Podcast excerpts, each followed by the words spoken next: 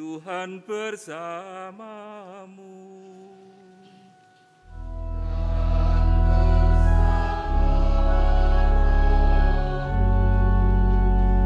Inilah Injil suci menurut Matius.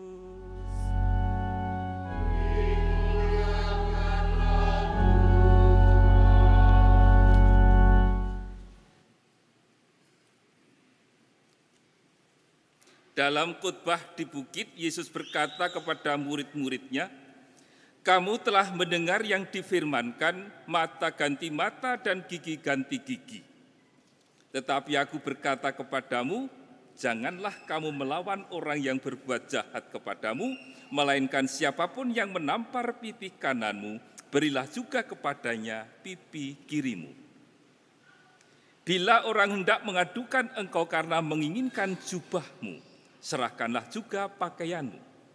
Bila engkau dipaksa mengantarkan seseorang berjalan sejauh satu mil, berjalanlah bersama dia sejauh dua mil. Berilah kepada orang yang meminta kepadamu dan janganlah menolak orang yang mau meminjam dari kamu. Kamu telah mendengar yang difirmankan, kasihilah sesamamu manusia dan bencilah musuhmu.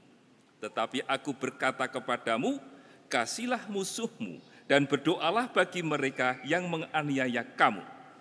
Karena dengan demikian kamu menjadi anak-anak Bapamu yang di surga, yang menerbitkan matahari bagi orang yang jahat dan orang yang baik, yang menurunkan hujan bagi orang yang benar dan bagi orang yang tidak benar. Apabila kamu mengasihi orang yang mengasihi kamu, apakah upahmu? Bukankah pemungut cukai juga berbuat demikian? Apabila kamu hanya memberi salam kepada saudara-saudaramu saja, apakah lebihnya dari perbuatan orang lain? Bukankah bangsa-bangsa yang tidak mengenal Allah pun berbuat demikian? Karena itu, haruslah kamu sempurna sama seperti Bapamu yang di surga sempurna adanya. Demikianlah sabda Tuhan.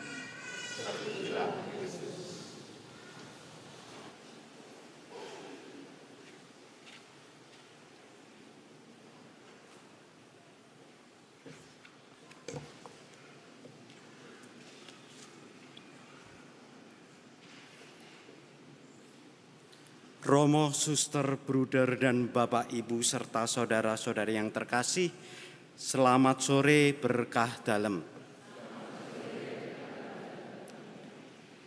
Pada misa minggu biasa ketujuh kali ini, kita hendak dihantarkan dalam masa persiapan untuk memasuki masa pantang dan puasa. Bacaan pertama dari kitab imamat ditekankan pada panggilan kekudusan. Panggilan kekudusan ini diarahkan pula pada bentuk untuk mencintai sesama. Dalam bacaan kedua, Rasul Paulus sendiri memberikan pesan yang cukup kuat kepada jemaat di Korintus.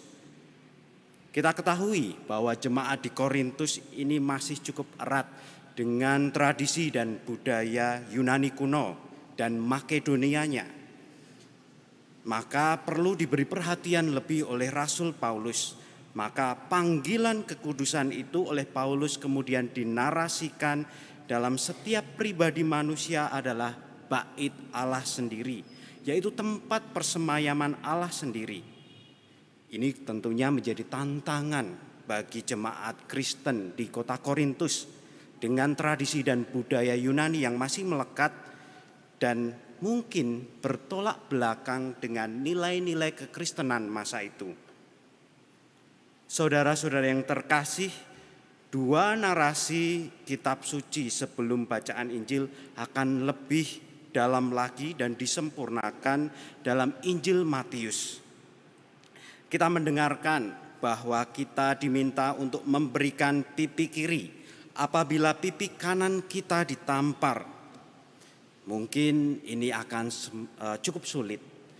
Apakah secara harafiah akan kita berikan pipi sebelahnya Kemudian dinarasikan pula dalam bacaan Matius ini Kita diminta untuk memberikan pakaian apabila jaket luarnya atau jaket yang melindungi kedinginan kita eh, itu diminta lebih dari itu. Bahkan apakah kita akan segera berjalan sejauh dua mil jauhnya jika diminta untuk mengantarkan satu mil jauhnya. Kunci dari perkataan Yesus terkait berikan pipi kirimu apabila ditampar pipi kananmu mempunyai maksud bahwa sikap kekerasan itu tidak ada habisnya, tidak ada batasannya.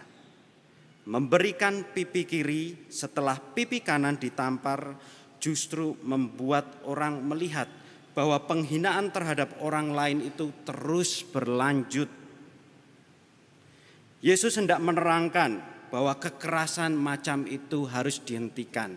Dengan cara apa? Ternyata memberikan sesuatu yang lebih.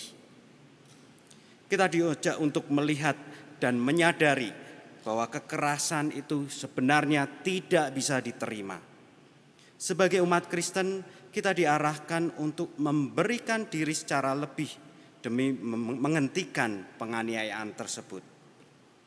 Saya sebagai Yesuit muda dan baru mempelajari lebih dalam lagi latihan rohani, Santo Ignatius Loyola memberikan gambaran untuk mencapai kekudusan macam itu.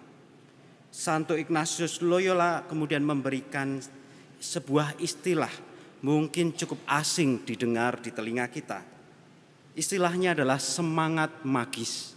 Magis di sini mungkin kita dengar eh, sering kali terkait hal-hal yang gaib tetapi magis di sini mempunyai makna lebih. Salah satu bahasa khas dalam spiritualitas Ignatian.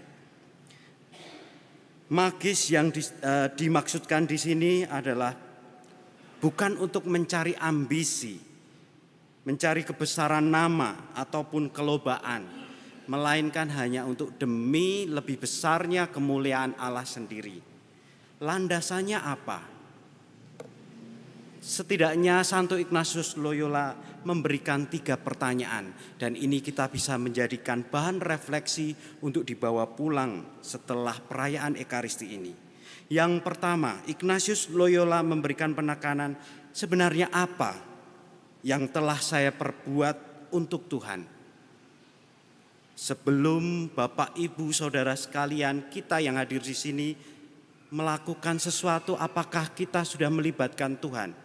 apa yang sudah aku lakukan untuk Tuhan. Yang kedua, saat ini apa yang sedang aku perbuat untuk Tuhan. Dan yang ketiga, apa yang akan ku perbuat untuk Tuhan. Maka magis memiliki fondasi yang kuat, bekerja lebih untuk Kristus dan sesama. Inspirasi ini tentunya dilandasi dari Kristus sendiri. Saudara-saudara yang terkasih, panggilan kekudusan itu mengandaikan diri kita merasakan konsolasi dalam setiap cara pikir dan bertindak. Konsolasi menjadikan kita lekat atau attach dengan Allah sendiri. Dengan begitu kita hendak dikuduskan. Sekarang bagaimana kita hendak mencapai kekudusan itu?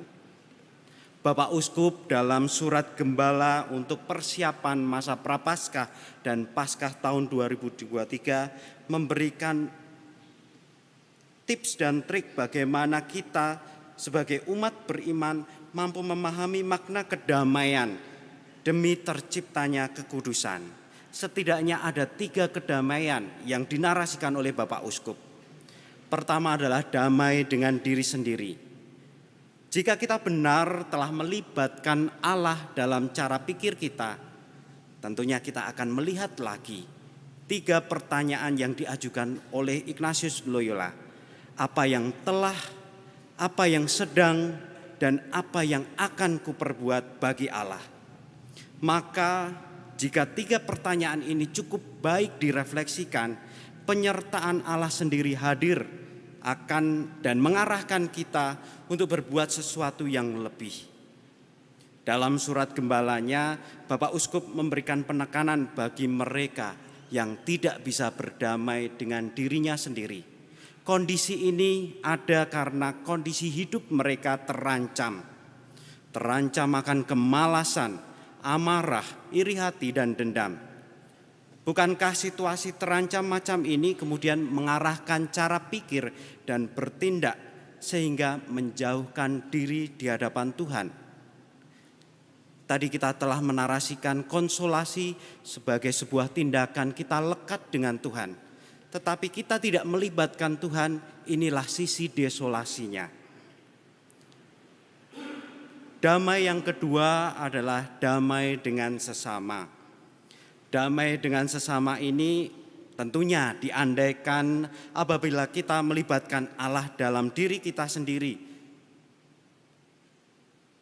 Kita setidaknya bertindak terhadap sesama dan memberikan kepada sesama itu sukacita dan semangat solidaritas serta tolong menolong tanpa prasangka.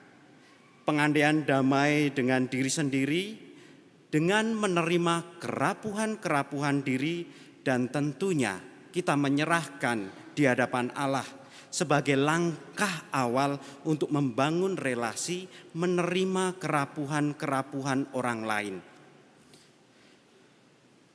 Damai dengan sesama berarti menanggung segala beban yang dialami oleh orang-orang sekitar. Namun, damai ini juga bisa tercerabut. Ancaman yang muncul terhadap kedamaian dengan sesama ini adalah kesombongan, keserakahan, serta memaksakan kehendak diri terhadap orang lain. Dampaknya, relasi kita dengan sesama adalah hidup dalam komunitas dan keluarga itu menjadi kering, penuh ketegangan, dan tidak adanya kepercayaan satu sama lain. Kita kembali diingatkan apa yang telah, sedang, dan akan kulakukan kepada sesamaku. Damai yang ketiga kemudian dijabarkan oleh Bapak Uskup adalah damai dengan alam ciptaan. Memelihara keutuhan ciptaan menjadi seruan khas dari Bapak Suci Fransiskus, terutama dalam ensikliknya Laudato Si. Salah satu kutipan yang cukup memberikan inspirasi bagi kita di sini adalah seperti ini. Terpujilah engkau Tuhanku karena saudari kami, Ibu Pertiwi, yang menyuapi dan mengasuh kami dan menumbuhkan aneka ragam buah-buahan beserta bunga yang warna-warni dan rumput-rumputan. Ibu Pertiwi sekarang menjerit karena kerusakan yang telah kami timpakan kepadanya. Karena tanpa tanggung jawab kami menggunakan dan menyalahgunakan kekayaan yang telah diletakkan Allah di dalamnya Bapak, Ibu, Saudara sekalian, kiranya kutipan ini memberikan pemahaman bahwa manusia yang tidak melibatkan Allah dalam cara pikir dan tindakannya telah merusak alam ciptaan yang telah dipercayakan Allah kepada kita. Kita mungkin terlibat dan berpartisipasi di dalamnya. Kita mencabik-cabik keutuhan ciptaan. Sifat manusia macam ini adalah manusia yang destruktif, yang tidak hanya merusak relasi dengan alam, tetapi relasi dengan manusia dan Allah Penciptanya. Akhirnya, saudara-saudari yang terkasih, untuk bisa berdamai, kita perlu melibatkan Allah. Kiranya tiga pertanyaan untuk mencapai kekudusan dapat menuntun kita pada masa prapaskah ini Pertanyaan apa yang sudah aku perbuat memberikan dorongan akan semangat pertobatan. Pertanyaan apa yang sedang aku perbuat menghadirkan Allah untuk membangun relasi dengannya di dalam setiap doa-doa kita dan segala aktivitas hidup kita. Dan pertanyaan apa yang akan kulakukan sebagai pijakan bahwa Allah hendak menaungi setiap langkah dan perbuatanku. Marilah kita mohon rahmat kerendahan hati di hadapan Allah sendiri agar mampu melibatkan Allah, sesama dan alam ciptaannya untuk mewujudkan kekudusan dan kasih yang tak terbatas itu. Selamat memasuki masa Prapaskah, Tuhan memberkati.